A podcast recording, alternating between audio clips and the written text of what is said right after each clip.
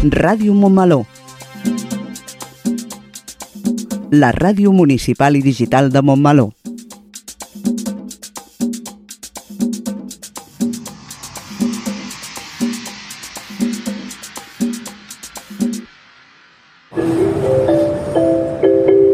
Propera parada, Montmeló.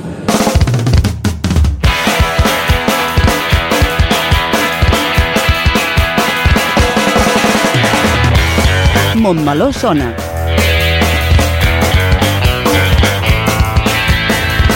El magazín informatiu de Ràdio Montmeló.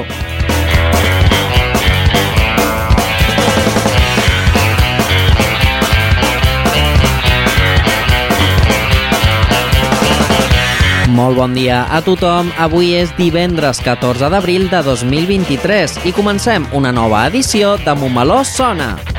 Programa número 64. Ja tornem de les vacances de Setmana Santa per portar-vos la informació més destacada del nostre poble. Quant de temps, Rubén? Com han anat les vacances? Molt bé, però molt curtes. A tu com t'han anat? Has descansat molt? Has anat de viatge? Has anat a alguna processió? La Setmana Santa ha anat bé, però no parlem gaire de processions, que al final acabaran tancant-nos la ràdio. Tens raó, millor canviem de tema i comencem el programa. Montmeló Sona és el magazín informatiu setmanal de Ràdio Montmeló, coordinat per l'equip de comunicació de l'Ajuntament. Avui ens acompanya la Maria Costafreda a la secció Toquem el 2 i la Lola Robles al bloc de l'entrevista. I a la locució del programa tenim a l'Olga Coromines i un servidor, el Rubén Cantón. I una vegada fetes les presentacions, passem al sumari de continguts que tenim preparats pel programa d'avui.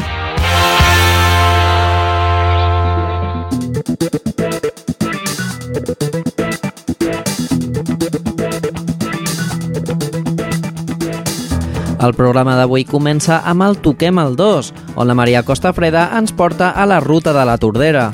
Seguirem amb el nostre espai informatiu Crònica de Montmeló, on farem un repàs de l'actualitat del nostre poble. Just després farem una ullada a l'agenda d'actes que podem trobar els propers dies a Montmeló. I acabarem amb la secció de l'entrevista, on la Lola Robles parlarà amb l'autora local Jessica Roca, que va presentar el passat dimecres la seva nova novel·la titulada L'Administrativa. I com ja sabeu, tot això i alguna cosa més és el que trobarem al Montmeló Sona d'avui, 14 d'abril de 2023.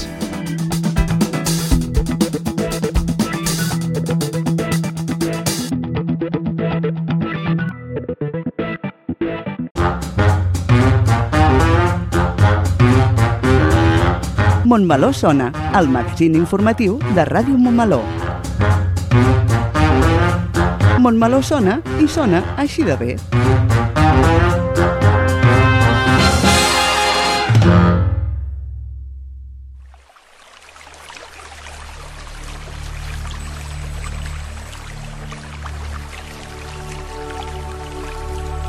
Del Montseny a la Mediterrània, en bicicleta o caminant, t'espera un camí increïble. Estàs preparat per descobrir els paratges naturals que envolten el riu Tordera i la riera d'Arbúcies? Resseguint els diferents trams d'aquest itinerari, podràs gaudir de l'esport i meravellar-te amb un recorregut únic on els paratges i la riquesa del patrimoni et deixaran bocabadat. Des de la Font Bona de Sant Marçal, en ple Parc Natural del Montseny, fins a Blanes o Malgrat de Mar, ja a la Mediterrània, el riu Tordera i la riera d'Arbúcies flueixen amb boscos, prats, canyissars, pobles i viles, fent un viatge que ara, gràcies a la iniciativa del Tordera, tu també pots fer de moltes maneres diferents. La ruta de la Tordera i la Riera d'Arbúcies al Tordera és un itinerari senyalitzat d'uns 70 quilòmetres de distància i al voltant de 1.800 metres de desnivell. Veient les distàncies potser pensaràs que es tracta d'una ruta llarguíssima, però no pateixis, perquè està dividida en trams de dificultat baixa, moderada o més exigent per tal que puguis decidir què fer en funció de les ganes, el temps i la preparació que tinguis. Així doncs, es tracta d'un recorregut ideal perquè facis a peu o en bicicleta. De fet, si t'agrada aquesta segona idea, però no tens bicicleta pròpia, Tens eh, moltes opcions de llogar-ne una en funció del tram on vulguis passar el dia. En alguna de les poblacions eh, per on transcorre la ruta, com ara Blanes, Malgrat de Mar, Palafolls, Tordera, Arbúcies, Sant Celoni o Sant Esteve de Palau Tordera, hi trobaràs diverses botigues on fer el lloguer i gaudir d'un dia que ben segur anirà molt rodat. A més, la ruta té moltes opcions d'enllaç amb el transport públic que podràs trobar a la mateixa web del Tordera. D'aquesta manera podràs fer moltes seccions de recorregut sense necessitat d'agafar el cotxe, una forma molt més econòmica i sostenible de gaudir de la ruta.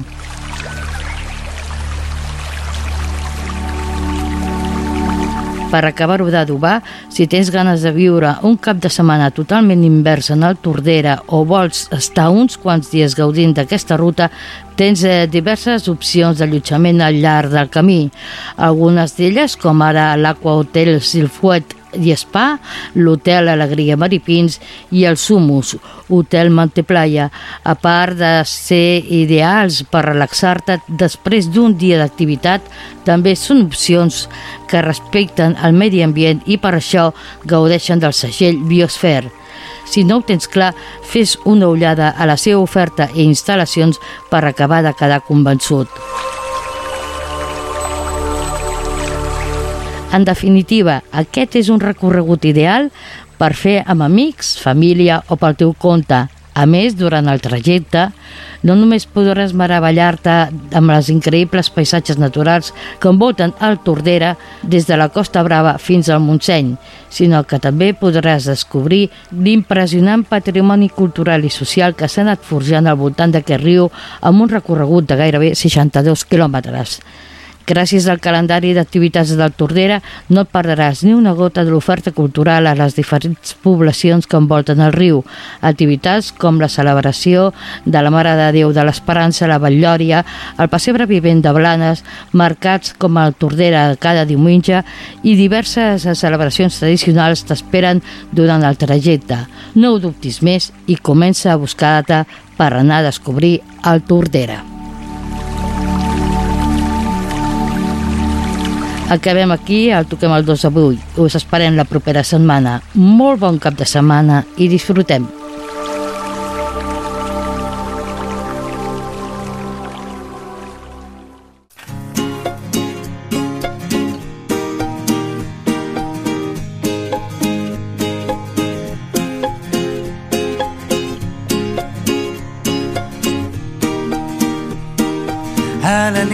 Recta, bicicleta sense llum, un satèl·lit que comença on perdo el cap.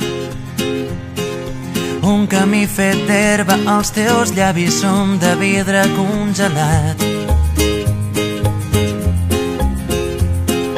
Vaig descalç i penso imatges cegues de les platges que només podria veure sota el llit.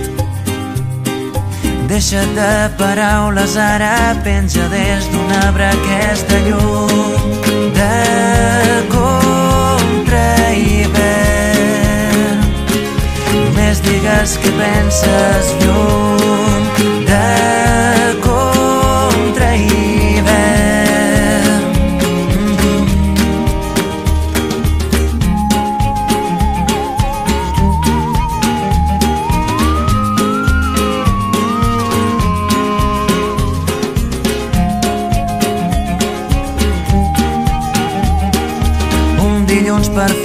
bicicleta sense mans. Tinc un pas de zebra nou recent pintat. Vol gelat de menta, les finestres semblen de paper mullat. Tant soroll que falta l'aire, he perdut la brúixola i el nord que dec haver guardat per aquí. Deixa't de paraules, ara penja des d'un arbre aquesta llum de contra hivern. Només digues que penses llum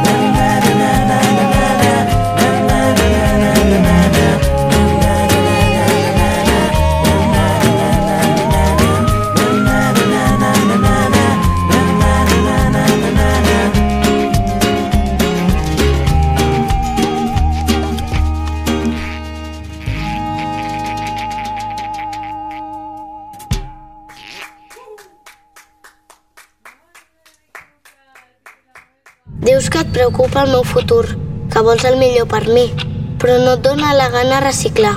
Passes de separar les teves deixalles. És més fàcil posar-ho tot a la mateixa bossa. El meu futur també va en aquesta bossa?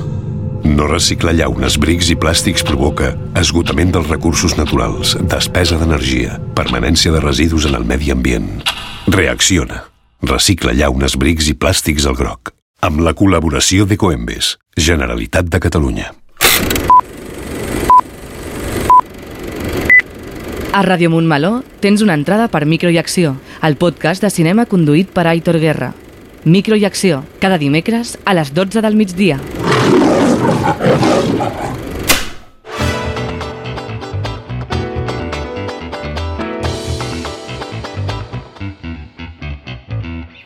Entrem en el nostre bloc informatiu Crònica de Montmeló i donem pas una vegada més a les notícies locals més destacades d'avui divendres 14 d'abril de 2023. Aquest és el sumari. Obertes les inscripcions telemàtiques amb descompte per al casal d'estiu.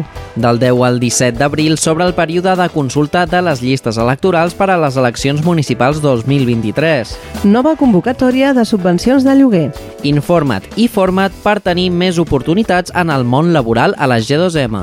Ja es poden comprar les entrades pel FitCamp, Festival Infantil i Juvenil d'Arts Escèniques de Montmeló, que celebra els 10 anys amb una programació engrescadora i diversa. I tancarem, com sempre, el bloc informatiu amb el repàs de les activitats culturals del municipi pels propers 7 dies.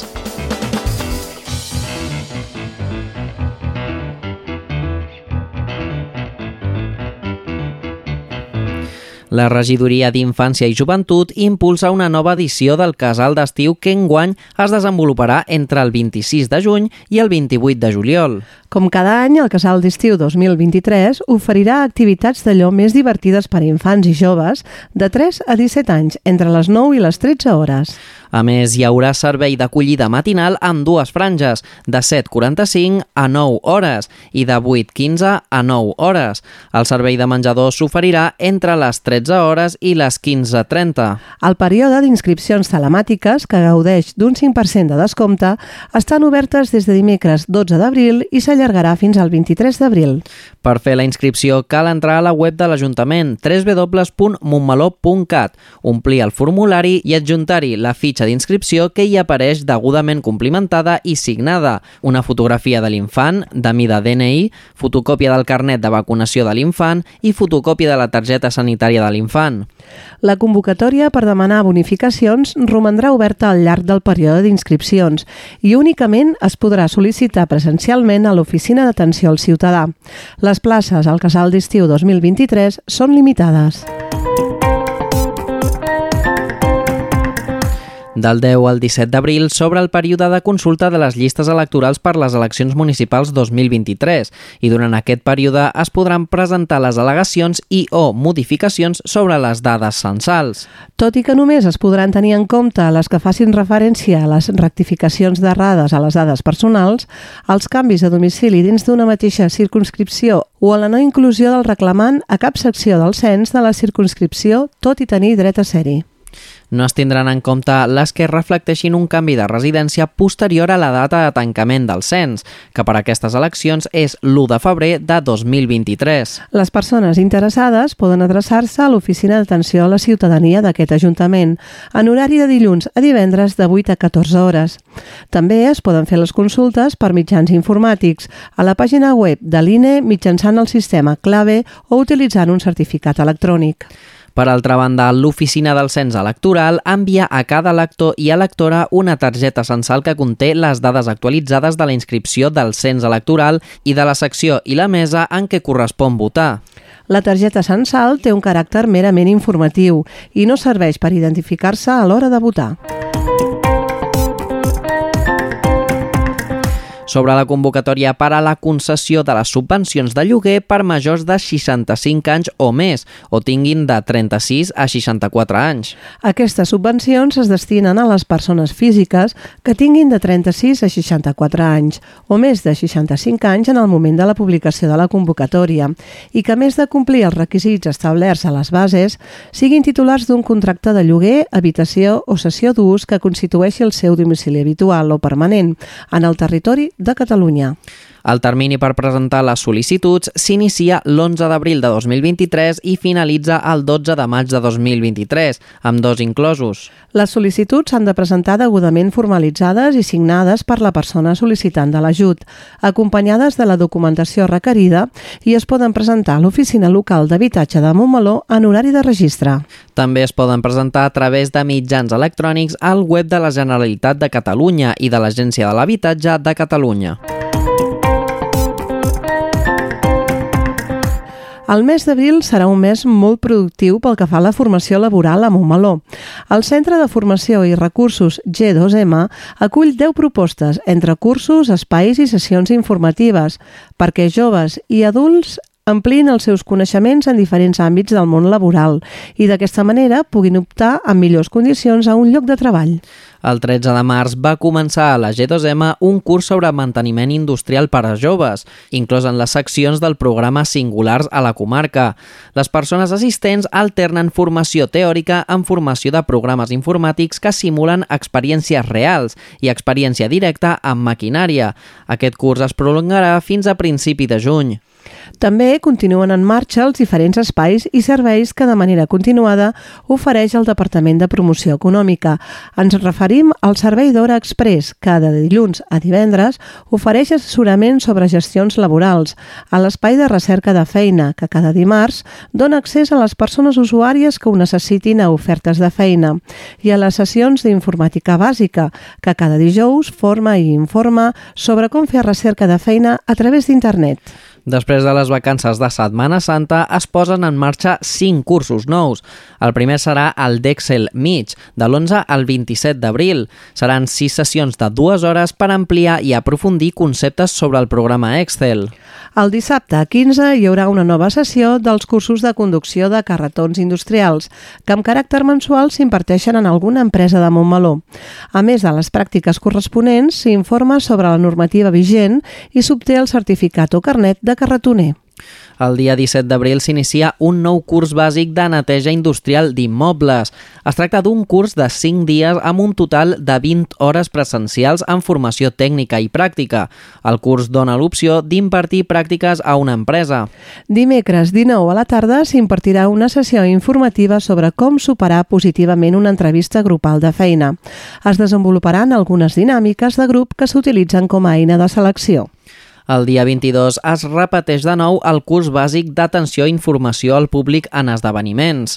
Aquest curs és especialment interessant per la gent que vol optar a treballar en els diferents esdeveniments que porta a terme al llarg de l'any al circuit de velocitat. Les persones interessades podran també assistir a una xerrada el dijous 13 d'abril per conèixer els requisits que es demanen a l'hora de la contractació de personal d'informació en esdeveniments públics. Com veieu, l'oferta formativa és molt extensa i variada. Les persones inscrites en el Servei Local d'Ocupació tenen grans avantatges per accedir a qualsevol dels cursos anomenats.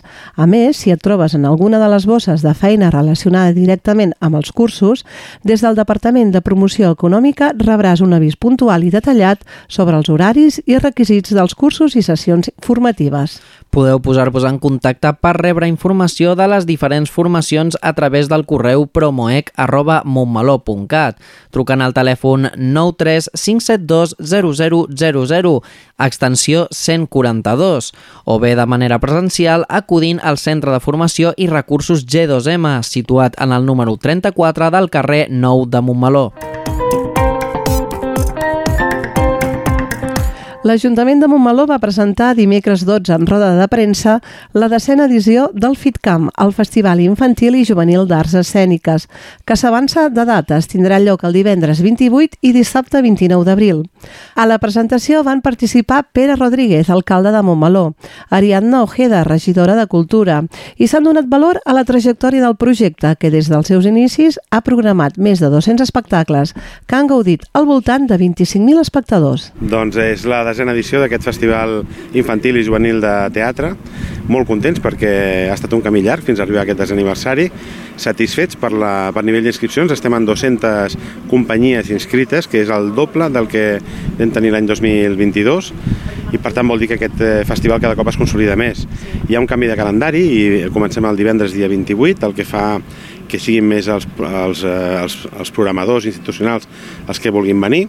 I, i en definitiva crec que tenim una, una graella d'espectacles prou variada, de molta qualitat, amb cinc estrenes d'obres i, i cinc més que s'han estrenat fora de Catalunya i que s'estrenen a Catalunya per primera vegada en el FitCamp i per tant esperem una gran afluència de públic, crec que el cap de setmana s'ho valdrà i, i visca el teatre i visca, i visca el teatre infantil. El divendres a la tarda, després de la, del, del, de la sessió inaugural, fem una petita festa de celebració d'aquest 10 aniversari.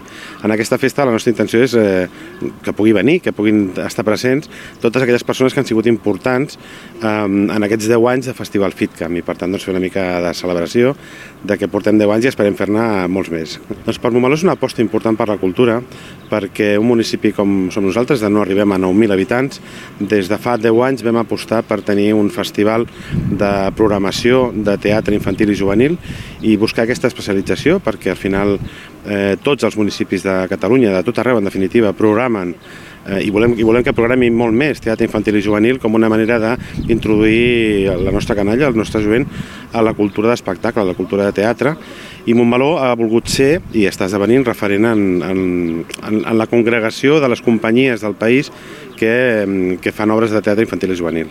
Montmeló omplirà durant dos dies els carrers i equipaments d'arts escèniques, amb una vintena d'espectacles en 30 funcions, de gèneres tan diversos com el teatre visual, titelles, clown, instal·lacions o màgia. L'organització segueix apostant per convertir la localitat en un referent dins del sector de les arts escèniques, en l'àmbit juvenil i infantil, on tothom hi tingui cabuda tant famílies com persones programadores i professionals. Per conèixer les novetats d'aquesta nova edició del FitCamp, escoltem què ens explicaven les directores artístiques, Marta Martí i Montse Oms, el dia de la presentació. Bueno, doncs és una programació en quant a gèneres molt diversa. Eh, aquest any trobem bastantes propostes de gèneres multidisciplinars que barregen des de text fins a imatges, fins a bombolles de sabó, en el qual es podran trobar companyies, eh, com per exemple el Centre de Titelles de Lleida, que estrenes Ben Germà Petit, o Festuc Teatre, amb l'espectacle Bungi la Quala, que són companyies, o el mateix Jam, que també estrena una proposta que es diu L'Actitud. Són, són companyies ja molt consolidades. I alhora trobarem propostes eh, de companyies més joves, més emergents, com podrien ser les Pinyes, que fan l'espectacle un, tros de, un tros de pa, que és una producció que van fer expressament pel Teatre Lliure, o podem trobar la Carpa Produccions, la Carpa. que és un espectacle eh, musical eh, bueno, molt, molt adient per un públic potser més, més juvenil, no? Bàsicament és, és diversa, ens ve gent de Catalunya però també tenim gent del País Basc o de València, per exemple.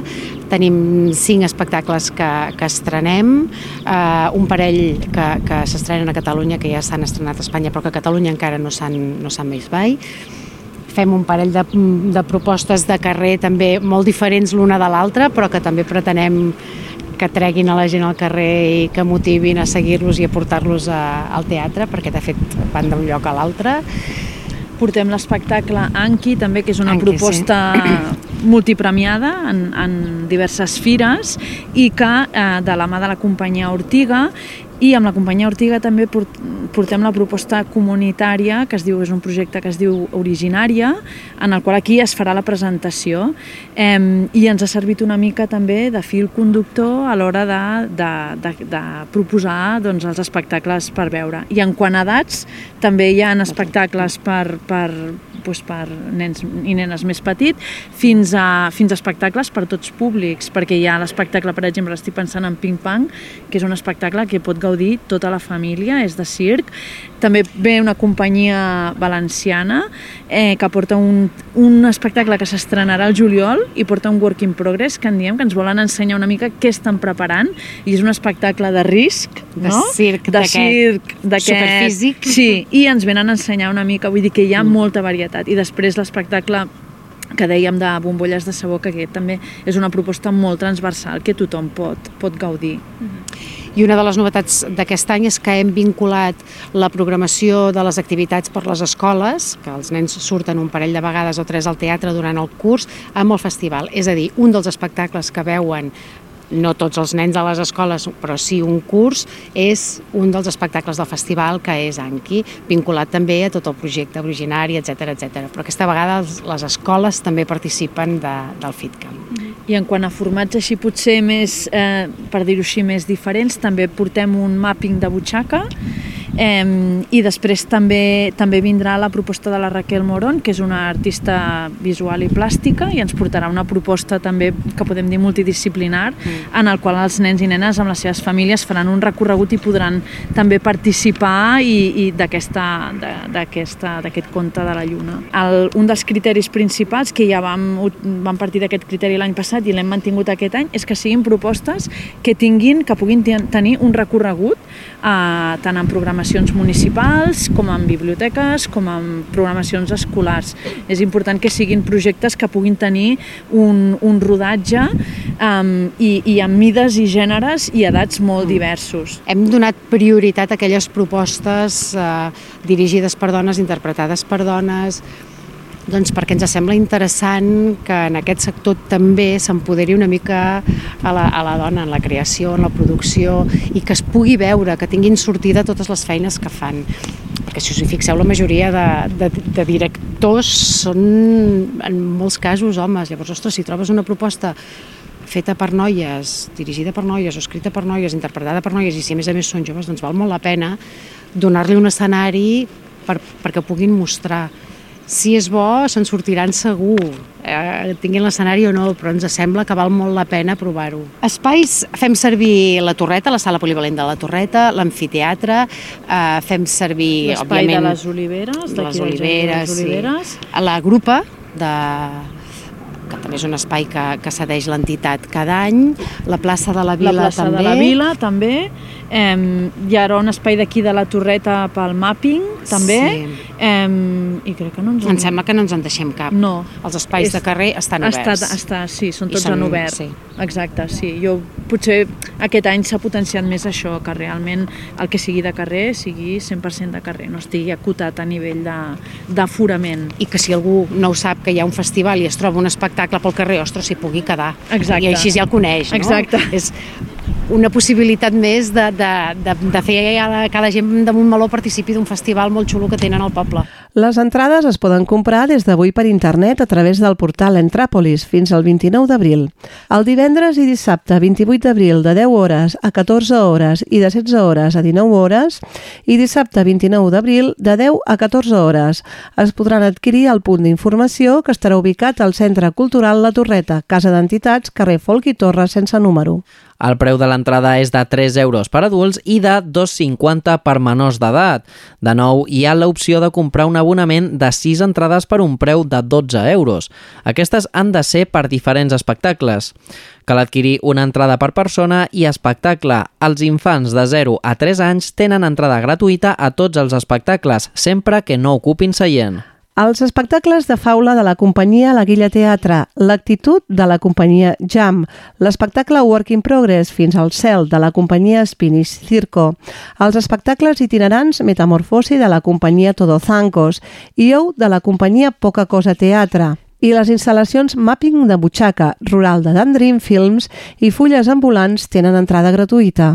El FitCamp l'organitza l'Ajuntament de Montmeló amb el suport de la Generalitat de Catalunya i la Diputació de Barcelona. Enguany s'ha arribat a un acord de col·laboració amb Fundació Xarxa per facilitar als seus programadors a l'assistència del festival. També es comptarà amb l'alumnat de l'Institut de Montmeló, dins del projecte curricular Aprenentatge Servei. Un cop més, FitCamp comptarà amb alumnes en formació per fer de regidors i regidores dels espectacles, gràcies a l'escola gràcies a l'acord amb l'Escola Tècnica ITES.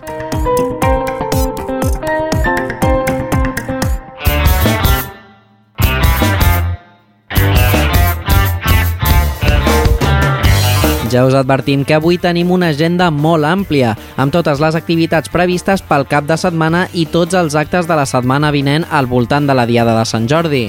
Iniciem el bloc de l'agenda d'activitats culturals d'aquest cap de setmana de la mateixa manera que la vam iniciar ara fa dues setmanes, parlant de sardanes, la dansa més vella de totes les danses que es fan i es desfan. Si ja vas anar al taller obert de sardanes del passat 31 de març i vols completar el teu aprenentatge sobre les sardanes, o bé, si no vas poder assistir-hi, tens una nova oportunitat avui divendres 14 d'abril. A dos quarts de set de la tarda, la secció de sardanes de la grupa ens proposa un taller obert de sardanes a la plaça de l'Església. Aprendràs a comptar i a diferenciar les parts de cada sardana, l'introït o introducció, els curts, els llargs, el contrapunt i la tirada, o nombre de compassos musicals de cadascuna d'aquestes parts. Serà una manera molt entretinguda de preparar-te per l'aplec de sardanes del dia 16. Si la teva afició no és ballar sardanes i prefereixes el cinema, també avui 14 a la mateixa hora, és a dir, dos quarts de set de la tarda, es projectarà a la sala La Concòrdia de l'Ajuntament la pel·lícula Clara Campoamor, La mujer olvidada. És un film que narra la vida d'aquesta lluitadora feminista de principis del segle XX. Clara Campoamor va ser advocada, escriptora, política i defensora dels drets de la dona.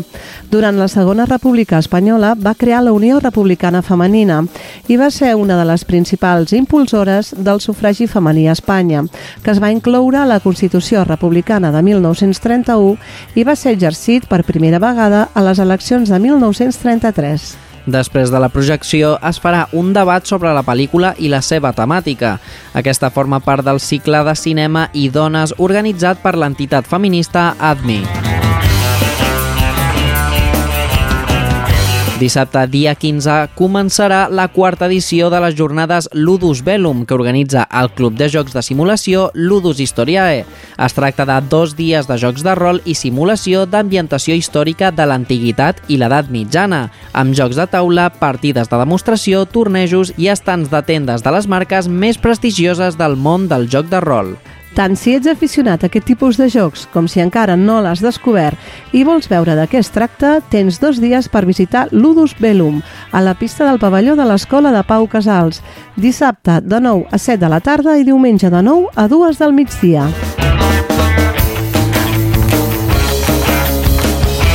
Comencem parlant de les activitats de diumenge dia 16 i ho hem de fer anunciant-vos un aplaçament d'una activitat. Concretament, la marxa nòrdica que es porta a terme cada tercer diumenge de mes s'ha aplaçat fins a diumenge 30 d'abril, d'aquí a dues setmanes. Per la seva banda, el jaciment romà de Mons Observants s'hi cobrirà les portes perquè tothom que ho desitgi visiti les seves instal·lacions i descobreixi un indret ple d'història al costat del turó de les Tres Creus. El jaciment romandrà obert d'11 del matí a 2 del migdia. Les visites es faran de forma lliure i podreu veure les restes arqueològiques del jaciment, una maqueta que reprodueix com era aquest assentament i complementar la visita en el punt d'informació del Mons Observants.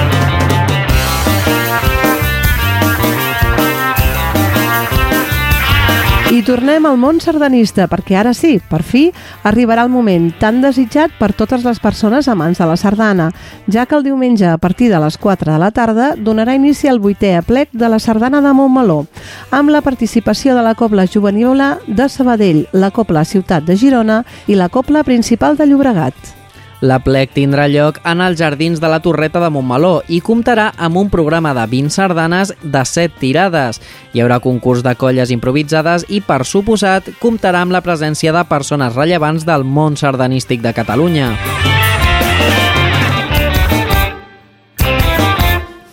Dimarts 18 d'abril el Banc de Sang i Teixits de Catalunya muntarà tot el dispositiu necessari per fer una nova edició de donació de sang al Museu de Montmeló. L'horari per donar sang serà de 10 a 2 del migdia i de 5 de la tarda a les 9 de la nit. Tornem a parlar de cinema, en aquest cas de cinema fantàstic de ciència-ficció. Si us agrada la saga de Jurassic Park, el Centre de Formació de Persones Adultes ha organitzat un passi de la primera pel·lícula d'aquesta saga el pròxim dimecres 19 d'abril a la Sala de la Concòrdia. La projecció serà en versió original i subtitulada en anglès, amb la finalitat d'aprendre anglès, sentir-lo i habituar-nos a aquest idioma d'una manera àgil i entretinguda. Recordem que Jurassic Park és un dels grans èxits de tots els temps que va dirigir Steven Spielberg i que està basada en una novel·la del mateix nom de Michael Crichton. I arribem a divendres 21, rebetlla de Sant Jordi, i en conseqüència hem de parlar d'activitats de caràcter literari. La primera d'elles tindrà lloc a la Biblioteca La Grua el mateix divendres a les 7 de la tarda. Es tracta de l'espectacle de contes Sopem amb Pili Sabroso. Es tracta d'una sessió de contes narrats a càrrec de Laura Rodríguez, que ens presentarà el personatge de la Pili Sabroso, que no és cuinera, però sap fer uns entrants fantàstics. No és historiadora, però se sap de memòria la història de la Vichysuà.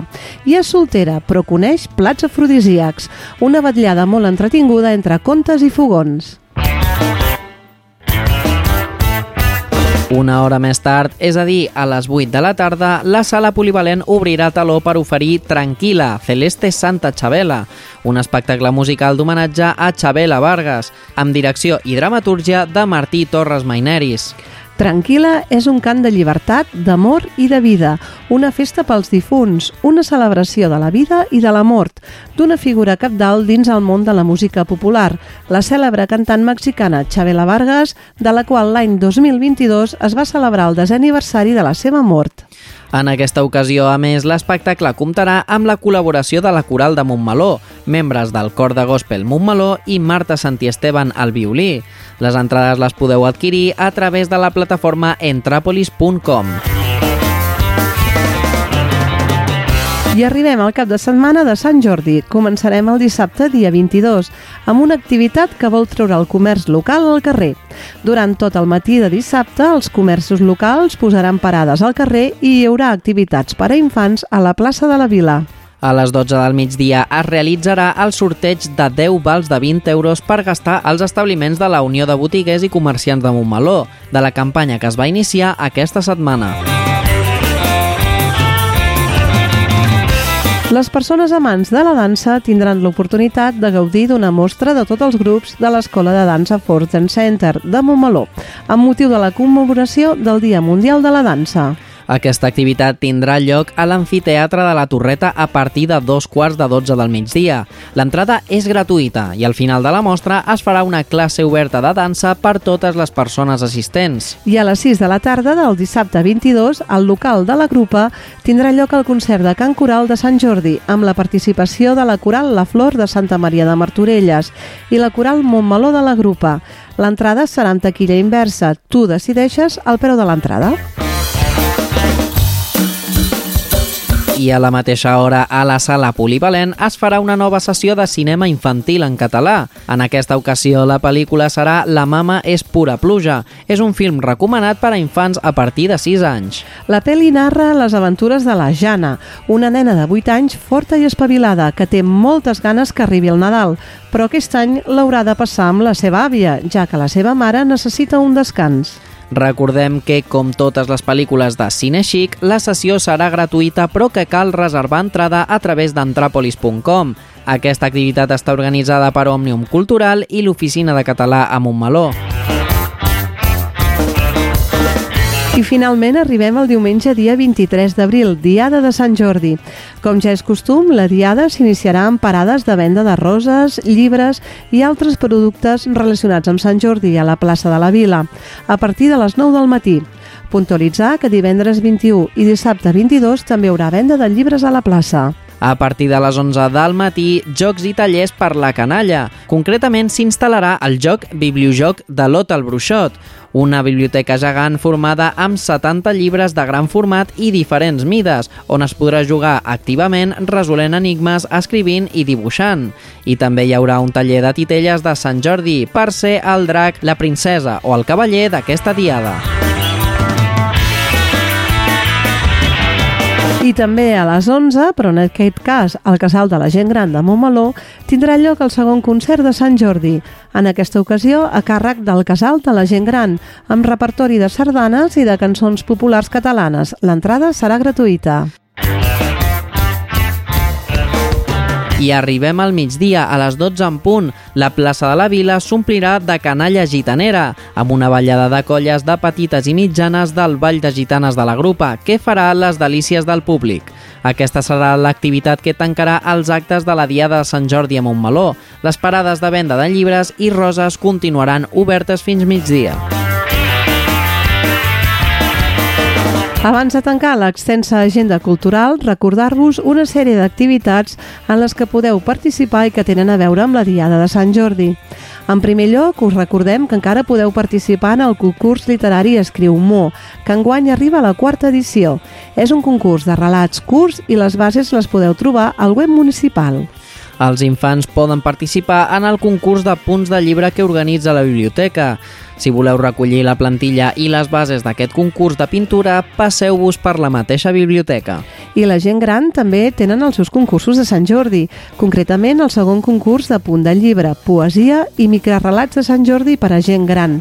Teniu tota la informació i les bases del concurs a la Consergeria del Casal i teniu temps de participar fins al mateix 23 d'abril. I ara sí ha arribat el moment de dir allò de tot això i algunes coses més les podreu trobar a la web municipal montmeló.cat i a les xarxes socials de l'Ajuntament.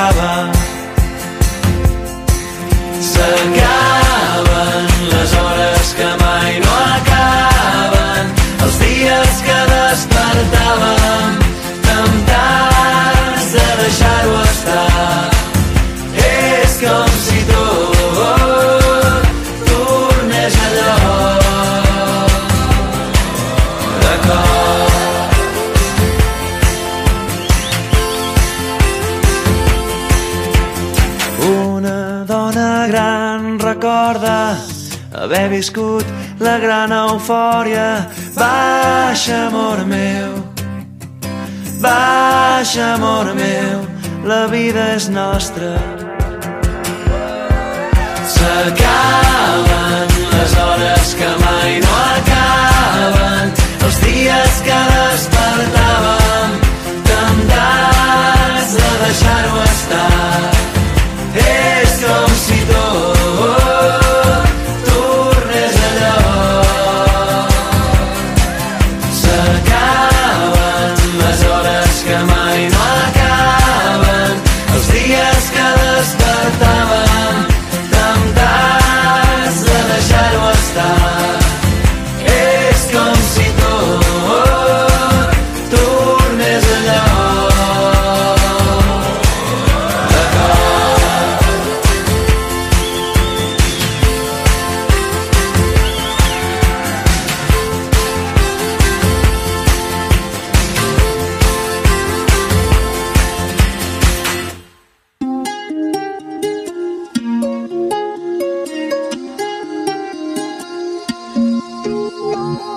feminismo es la lucha de la mujer. sería ser yo misma como persona, eh, participar en las cosas que me gustan y que creo que puedo hacerlas. Para mí es una lucha que siempre hemos tenido las mujeres para conseguir los mismos derechos que han tenido siempre los hombres, porque las mujeres no siempre hemos tenido los mismos derechos.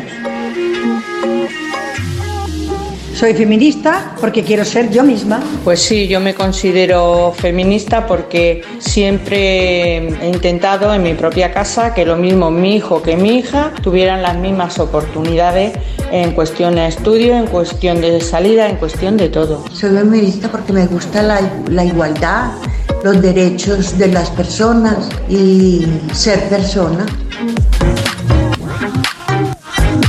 Montmeló es un pueblo feminista porque luchamos por la igualdad de la mujer. Montmeló sí es un pueblo compartido, que se comparten todos. Para mí sí son feministas. Pues yo sí creo que Montmeló es un pueblo feminista porque además lo está demostrando organizando muchas cosas de cara a las mujeres.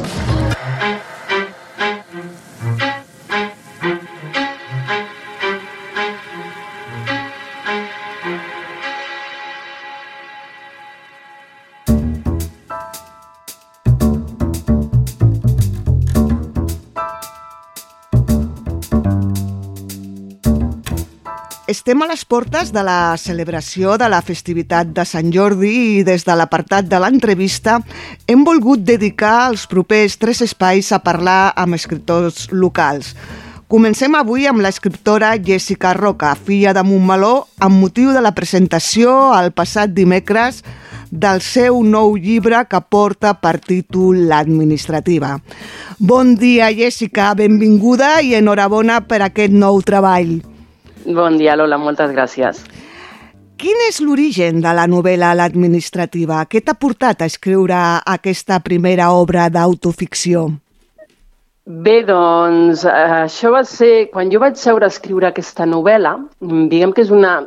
Autoficció és bàsicament autobiogràfic, amb, amb, amb tints de, de ficció, una miqueta de tints de ficció, perquè no hi poses exactament el teu nom ni, ni els altres i sempre hi poses alguna escena que tu torces per portar la realitat on tu vols, no? Però bàsicament és autobiogràfic. Què em va portar? Doncs eh, mira, eh, ho explicaré el més ràpid possible. Eh? El 2010 jo treballo en una empresa multinacional, eh, va haver-hi un ERO a l'empresa com a conseqüència de, de la crisi que va haver el 2008, que va afectar a, a tota Europa i va venir dels Estats Units Eh, llavors aquest ERO van, van acomiadar gent i a mi em van, eh, bueno, eh, em van repartir diguem, un altre departament i, i vaig caure malalta, eh, vaig haver d'agafar la baixa laboral per una, una crisi d'estrès molt forta. Això va passar el 2010 jo llavors ni, ni, ni escrivia ni, ni, ni s'hagués passat pel cap eh, bueno, com haver escrit els llibres que porto escrits fins ara. No? Però bueno, jo considero que allò allò va ser un punt d'inflexió a la meva vida i és el que em va portar fins on avui m'ha portat a ser escriptora, diguem, no? O sigui, perquè bueno, eh, jo arran d'allà, doncs, al cap d'un temps, eh, quan vaig tornar a la feina, doncs em vaig agafar um, disminució de, de jornada laboral i és quan ja em vaig obrir un blog d'escriptura i vaig reprendre aquella part vocacional meva que jo tenia, que havia tingut de petita i, i quan vaig estudiar periodisme i bueno, vaig començar una mica així. Llavors, jo quan em vaig seure realment a escriure aquest llibre, jo ja havia escrit eh, anteriors de novel·la Ni un gram, eh, Cinc dones de veritat, eh, que era, de fet, era referent a terceres persones, o sigui, no era autobiogràfic. Jo el vaig escriure bueno, encantada, i, però era de terceres persones. Eh, llavors, amb el temps, em, em vaig adonar que, que no era jo el que jo volia. Què passa? Que va entrar la meva... Bueno, un escriptor no només és escriptor, ha de ser lector. I llavors a mi em van venint altres autors, vaig anar llegint novel·les, sobretot d'escriptors nord-americans, com pot ser el John Fante, que a dia d'avui és un dels meus referents literaris, i va caure un a les meves mans, eh, de casualitat, que em van deixar, que va ser Charles Bukowski, que jo no el coneixia. Aquest autor va tenir molta influència en mi com a autora i amb aquest aspecte va ser el que em va portar a escriure eh, més autoficció perquè és el que em va fer donar que de la meva vida, de les meves experiències, podia fer literatura. De fet, això també ho va fer en Dostoyevsky, que també era referent d'aquests autors, i bueno, tots els grans de la literatura. No? Eh, que és una miqueta, bueno, atrevit, eh, sí, però realment era en el camp que jo m'hi trobava còmoda. Quan jo vaig seure a escriure l'administrativa havien passat uns vuit anys d'aquella crisi que jo havia patit. O sigui, jo ja havia escrit molt abans al blog i poesia i, i llibres de poemes i, i tot això, però quan vaig seure mm, t'has de trobar gust i dir, vale, ara és el moment. I, i va ser quan vaig a escriure-la. I una miqueta, eh, per al que explicaves al principi, aquesta experiència personal que vas tenir, sí. eh, quan et poses a escriure, et va servir de teràpia el fet d'escriure-la? No, perquè havia passat molt de temps. A veure, jo considero que per escriure el tipus de novel·la així, més autobiogràfic, autoficció, encara que tu hi fiquis elements de ficció, ja ho has d'haver paït ho has d'haver paït molt, o sigui, per això t'asseus a escriure, almenys jo parlo per mi en el meu cas, o sigui, mai pots escriure amb calent, o sigui, té que passar molts anys, per això jo considero que l'escriptura és una cosa com molt lenta, o sigui, va una mica contra, a contra dels temps actuals, que tot és tan immediat.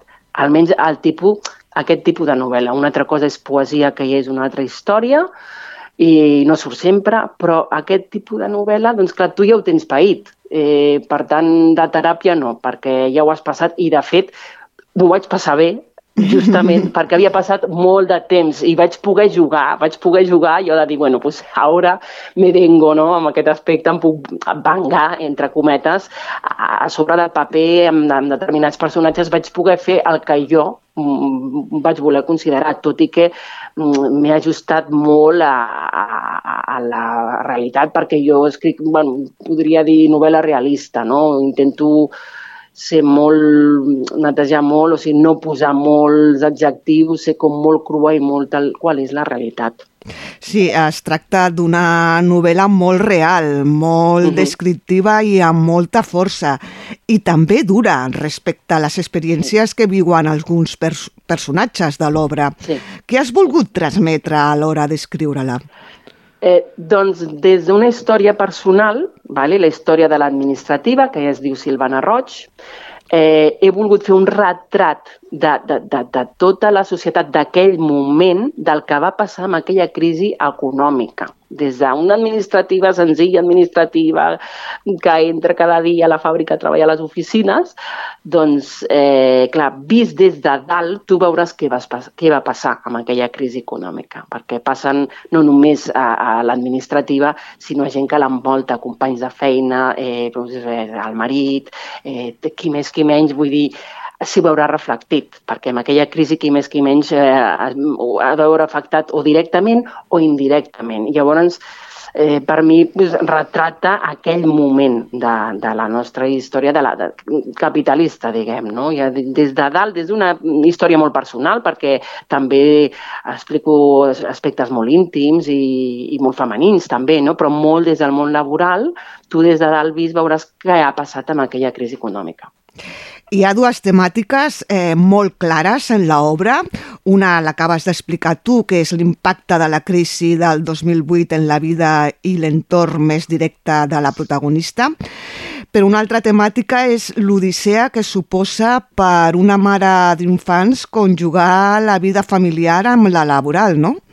Ah, exactament, molt bé, molt ben descrit. Doncs sí, o sigui, es veu molt l'aspecte laboral, però també es veu molt l'aspecte personal, personal d'aquesta noia, mare, jove, treballadora, eh, amb fills i casada, i com s'ho combina, no? Tot això, i tot això es veu molt bé a la novel·la, perquè és que és la vida tal qual. Per això jo dic que s'hi veurà molta gent reflectida, dones, sobretot treballadores, perquè, bueno, com s'ho han de combinar i què han de fer cada dia per anar a la feina, perquè avui en dia bé, un dels temes del feminisme, eh, no sé, és, és si conjugar, tot, per això tot això, aquestes lluites que hi han perquè eh, ens donguin o s'atorguin més, eh, més ajudes per, les, per les guarderies o més baixes laborals més, més llargues, perquè si no m'equivoco encara, no sé si són 16 setmanes o amb el meu cas van ser 18 perquè tenia bessons, no? Però això no s'ha allargat. Sí que s'ha aconseguit més amb la igualtat perquè l'home tingui eh, més baixa, però la de la dona ha quedat igual. Quan a Itàlia, per exemple, tenen un any de baixa, no? Bé, doncs eh, tot això es veu, o sigui, com, com combinat a nivell personal, no? Sí, sí. Hi ha uns escenaris, uns espais on s'ambienta el gruix de l'obra que també són força coneguts per tu, com és l'entorn de la multinacional i la zona del Vallès. Mm. Uh, això, conèixer aquests espais, t'ha facilitat la feina d'escriure? I quan hi ha de treball de, de documentació i investigació? Doncs documentació i investigació, res, perquè clar, com és, un, és, un, és una geografia, la, en aquest cas és la geografia literària, però eh, és que és la meva geografia diària, llavors jo m'ho conec de, de pam a pam. I, i sí que m'ha agradat molt retratar el Vallès, ah, clar, el Vallès industrial, és que és, és el nostre Vallès, no? És, és, és com és. I, i de, de documentació en aquest cas no, perquè com dic que és, és autobiogràfic, eh, mm, sí que, sí que ficciono perquè no, vull dir, en el meu cas la, la, la fàbrica no està ben bé Granollers, però és, és, és, és molt a prop i és, és la zona del Vallès. I després també retrato una miqueta el que és el, el, el port industrial de Barcelona, perquè bueno, eh, fa, també fa cursos eh, d'exportació, de, de tema d'exportació de l'administrativa, i a mi sempre m'ha agradat tota aquesta estètica canalla no? de, del tema industrial i dels polígons i té una miqueta, bueno, és, és cru però també té el seu vessant poètic no? I, i clar, recorre el cada dia els colors, els tràilers i tot això surt a la novel·la i el tema de, dels contenidors i els vaixells, no sé, té una estètica particular que no té per què ser pues, el que s'ensenya avui en d'Instagram, no? I això és la novel·la, doncs, eh, també es veu hi ha un moment en el, en el llibre que dius, i que d'alguna forma jo també comparteixo, l'única manera d'entendre l'obra d'un escriptor és viatjant a la seva infantesa. Els arxius vitals que guarda la memòria no s'esborren mai per molt adormits que quedin. D'alguna manera apareixeran entre línies, a través d'un alter ego, d'altres personatges, d'uns diàlegs, d'uns fets i d'uns sentiments que projecten una realitat que va quedar ancorada en el seu subconscients. Per tant, per tu és molt important el que has viscut per escriure, determina la necessitat de transmetre-ho. Eh, sí, i a més a més amb aquest paràgraf eh, faig al·lusió exactament, és que d'alguna manera, o sigui, tu quan escrius sempre tornaràs a la teva infantesa, sempre, sempre. Escriguis poesia, eh, escriguis novel·la, eh, almenys ja et dic, el tipus d'escriptura de, que jo faig, no? i sempre estarà allà, ancorada, i, no sé, pues això, autors com Bukowski o Dostoyevsky, sempre tornaran a la seva infantesa, allò que els ha marcat la seva infantesa, els pares, els germans, si n'han tingut, és el que determinarà una mica la teva obra perquè serà, és el que marca la teva veu, és la teva veu. Tu quan comences a escriure sí que et fixes en d'altres, però al final et surt la teva veu i és que et surt sol i és, és on t'hi trobes còmode. Jo per això deia que amb aquest camí m'hi he trobat més còmode, però sempre, sí, la infantesa sempre està, sempre està allà, que no vol dir que tu parlis exclusivament de la infantesa, sinó que és el que, el que marcarà la veu literària, no? Uh, L'obra la vas escriure no? fa ja uns anys, però has decidit sí. publicar-la ara. Eh, sí. Diguéssim que l'has deixat eh, reposar. Per a tu ha estat necessari allunyar-te, retirar-te durant un temps d'allò que has escrit per després tornar-ho a agafar amb una altra visió que et permet fer les correccions oportunes que doni el que has escrit per bo i finalitzat? Doncs, sincerament, sí quan, comencen, quan vaig començar a escriure, no, que em creia jo, va, escric i ja ho envio, que ho publiquin i, oh, i vas una miqueta com embalat, no? Però realment això és una carrera de fons, de molt de fons, i t'adones amb el temps que va...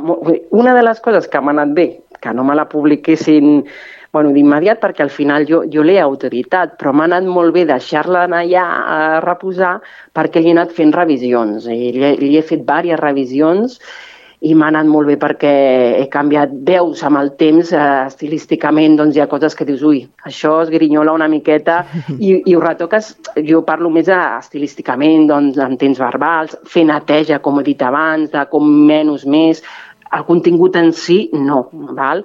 però jo en el meu cas sí, eh, m'ha anat molt bé eh, deixar-la reposar per, per això, per poder-la revisar i netejar-la i deixar-la ben polida. Jo crec que sí, que, que, que va bé, vull dir que s'ha de tenir paciència i, i, i sí, calma. Mm -hmm. Si et sembla bé, Jessica, anem als teus orígens com a escriptora, que cal buscar-los en el teu blog La Bústia Groga, on des de ja fa molt de temps conrees la crònica, l'assaig, el diaterisme, la poesia i el relat.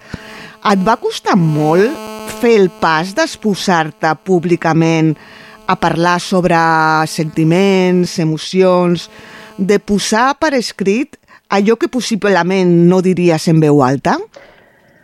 Doncs no, no perquè bé, és que és, és com em surt. Eh? I després el blog, el blog sí que és veritat que és com un espai que jo encara que ho pengi queda ja tancat. Sí que és veritat que les maneres d'expressar-se avui en dia és molt diferent. Mm, tant tu si ho penges en una xarxa com si ho pen... o sigui, no és el mateix. O sigui, tu públicament en una xarxa no publicaràs exactament el mateix que tu puguis escriure dintre d'un llibre o dintre d'un blog, perquè queda com tancadet. No sé, almenys psicològicament és que no, no pot ser. Llavors, jo a mi el blog em va anar molt bé per, bueno, per expressar, sí, com tu bé has dit, eh, sí que diuen que tinc una manera d'expressar-me de, molt emocional i molt íntima, mm, és, sí. és la meva manera de, d'expressar-me, no, sé, no sé com dir-ho, no? però costar-me no, perquè quan, quan em surt és perquè em surt, si no, no, no me sento així d'escriure, no? però no, no em va costar.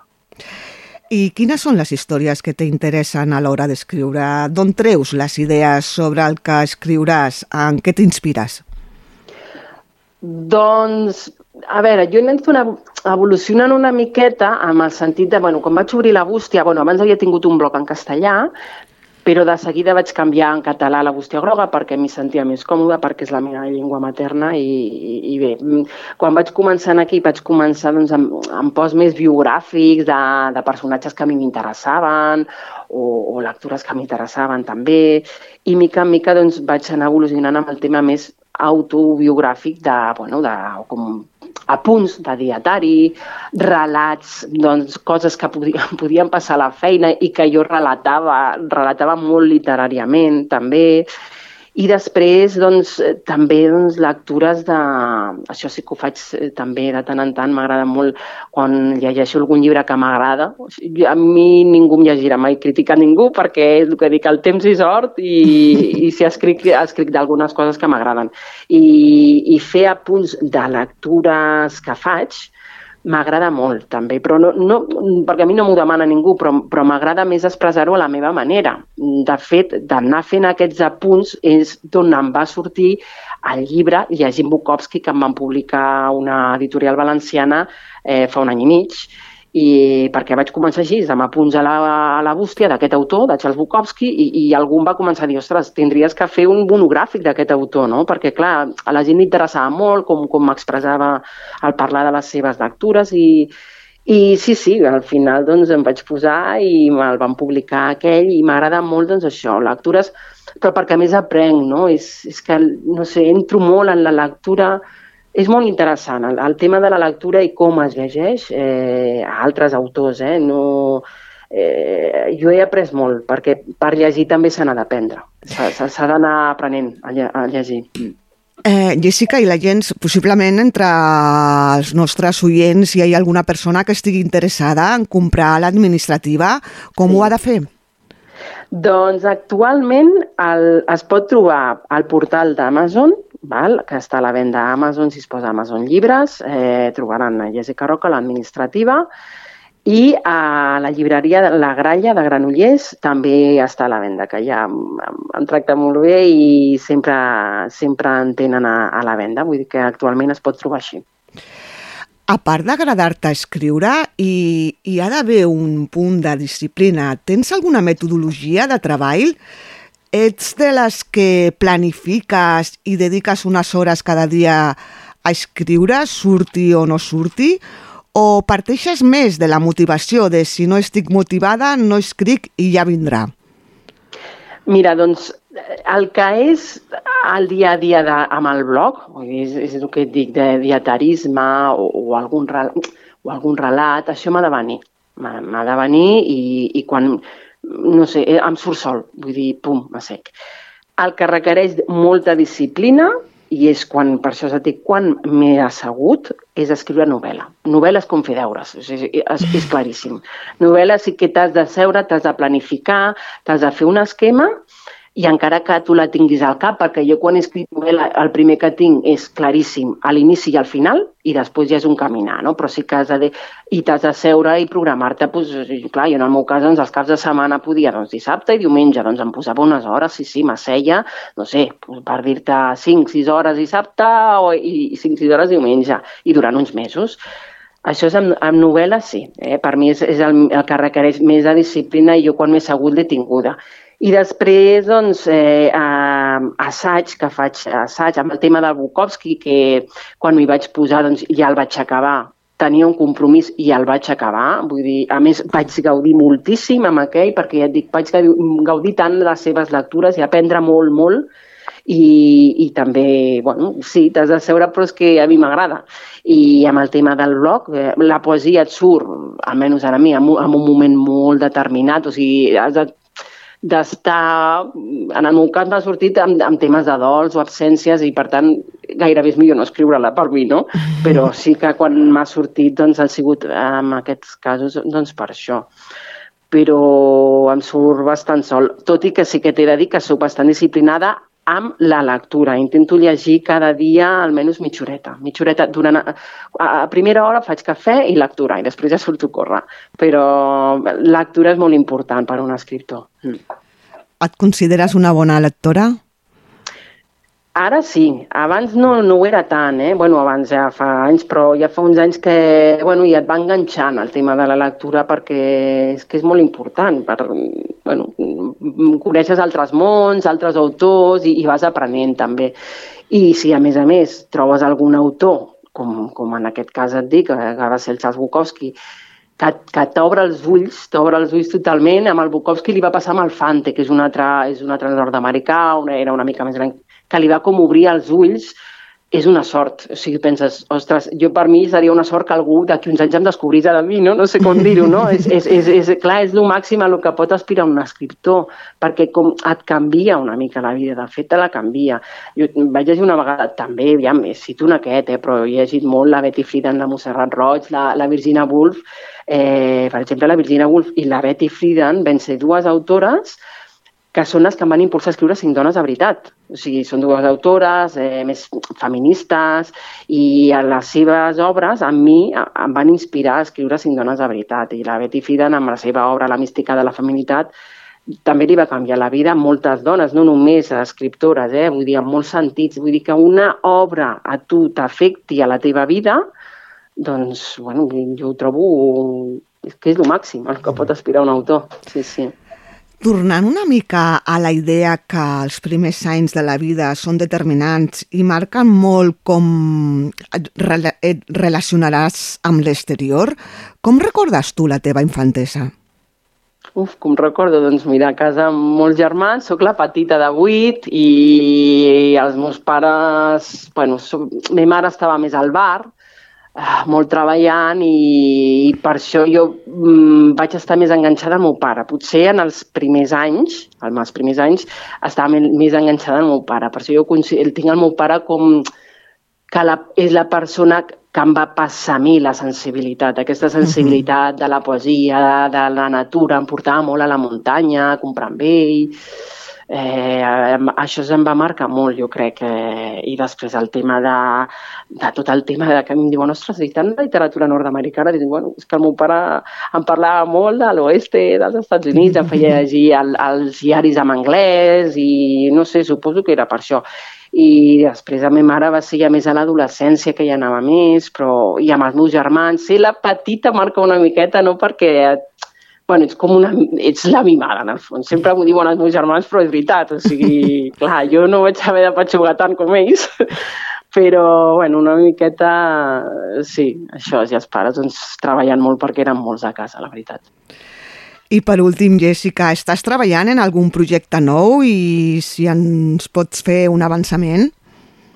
Ara mateix no, ara mateix no, perquè, bueno, tinc, de fet tinc una novel·la per publicar encara, que la tinc a l'arxiu guardada, que es diu Després de l'última abraçada, que també és autobiogràfica, bueno, autoficció mm, també és molt autobiogràfica i és més familiar, és, és, és molt familiar, molt, o sigui, és molt familiar, en ella s'hi veu reflectida molt la família, més, més dels anys més dels anys 90, és molt xula, és, és molt xula i no, la veritat és que l'he mogut molt poc. Vull dir, potser l'he enviat a tres editorials, no m'han dit res encara, i la tindré en allà. Potser la vaig escriure aquesta, em sembla que el 2019, de fet farà uns tres anys i mig o així, i clar, aquesta encara la tinc per publicar quan hagi passat, és, és el que diem d'aquí un temps igual la torno a moure i, però estan allà en ment què escriuré no ho sé, sé que, sé que hi ha alguna cosa, sé que, que tinc alguna cosa, però jo crec que tenen que passar uns anys encara, tenen que passar uns anys per, per acabar-ho de pair, sí, sí.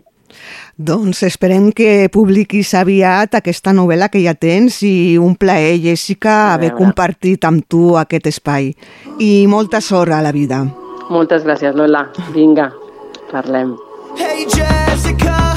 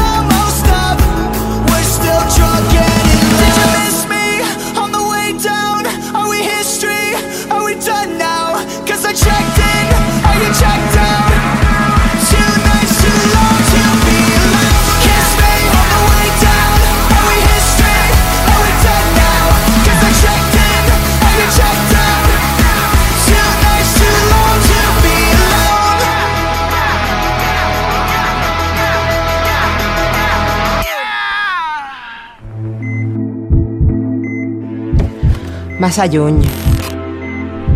Jo no canviaré res.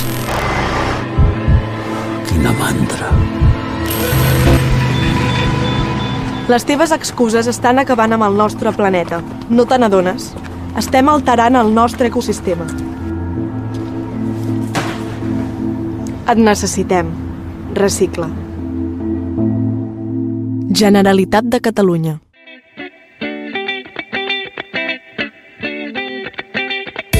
Ensenya'm la llengua. Un programa de l'oficina de català amb Susana Corxo. El tercer divendres de cada mes a les 5 de la tarda.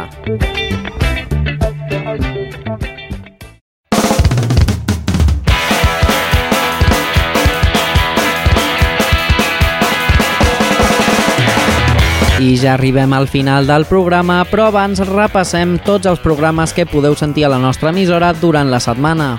Demà, dia 15, tocaria un nou podcast de 15 són 15, però ja que s'acosta Sant Jordi, el programa d'abril de la Biblioteca Municipal La Grua de Montmeló passarà el dia 22.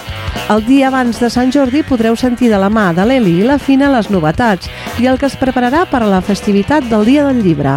Dimecres 19 a les 12 hores tenim un nou Micro i Acció, el programa de cinema de Ràdio Montmeló, on l'Aitor Guerra ens parlarà en aquesta ocasió de ciència-ficció, amb un nou col·laborador, el Miquel Àngel Núñez. Dijous 20 el Marçal Pont i el Pablo Sánchez ens porten un nou Fora de Joc, el programa d'esports que tindreu disponible com a podcast a les 21 hores. Tot i que si no podeu esperar, també el podreu sentir en directe a la nostra web a partir de les 17 hores. Acabem amb el divendres 21, on tindrem doble programació. A les 12 hores, un nou Montmeló sona, el programa que esteu sentint. I a les 17 hores, una nova edició d'Ensenya amb la llengua, el programa de la Susana Corxo de l'Oficina de Català de Montmeló. No us el perdeu. I amb tot això marxem, però com ja és costum, us volem recordar que podeu contactar directament amb l'emissora si teniu qualsevol idea, suggeriment o opinió mitjançant el nostre correu radiomo.montmeló.cat o a través del telèfon i WhatsApp 637 150 702. Passeu un molt bon cap de setmana i aneu pensant quin llibre regalareu amb la Rosa. Que s'acosta Sant Jordi, llegiu molt i seguiu-nos escoltant perquè Montmeló tornarà a sonar divendres 21 d'abril de 2023 a les 12 del migdia.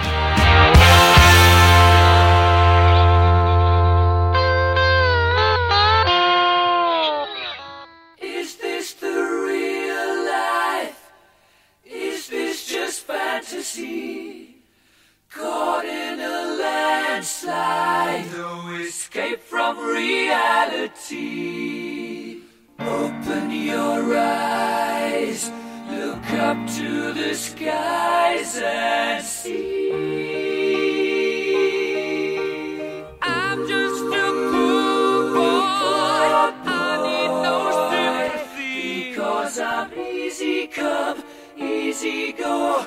Little high, little low. Any the wind blows doesn't really matter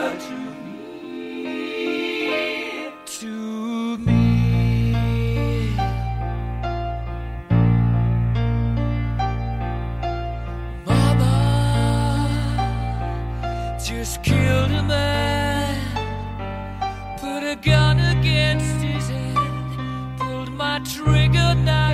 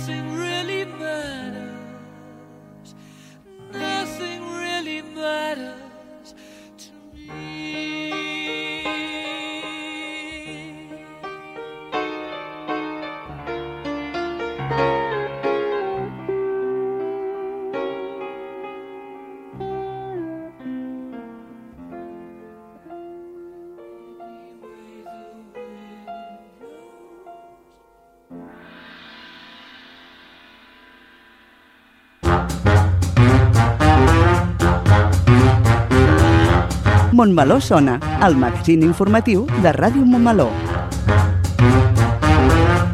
Montmeló sona i sona així de bé.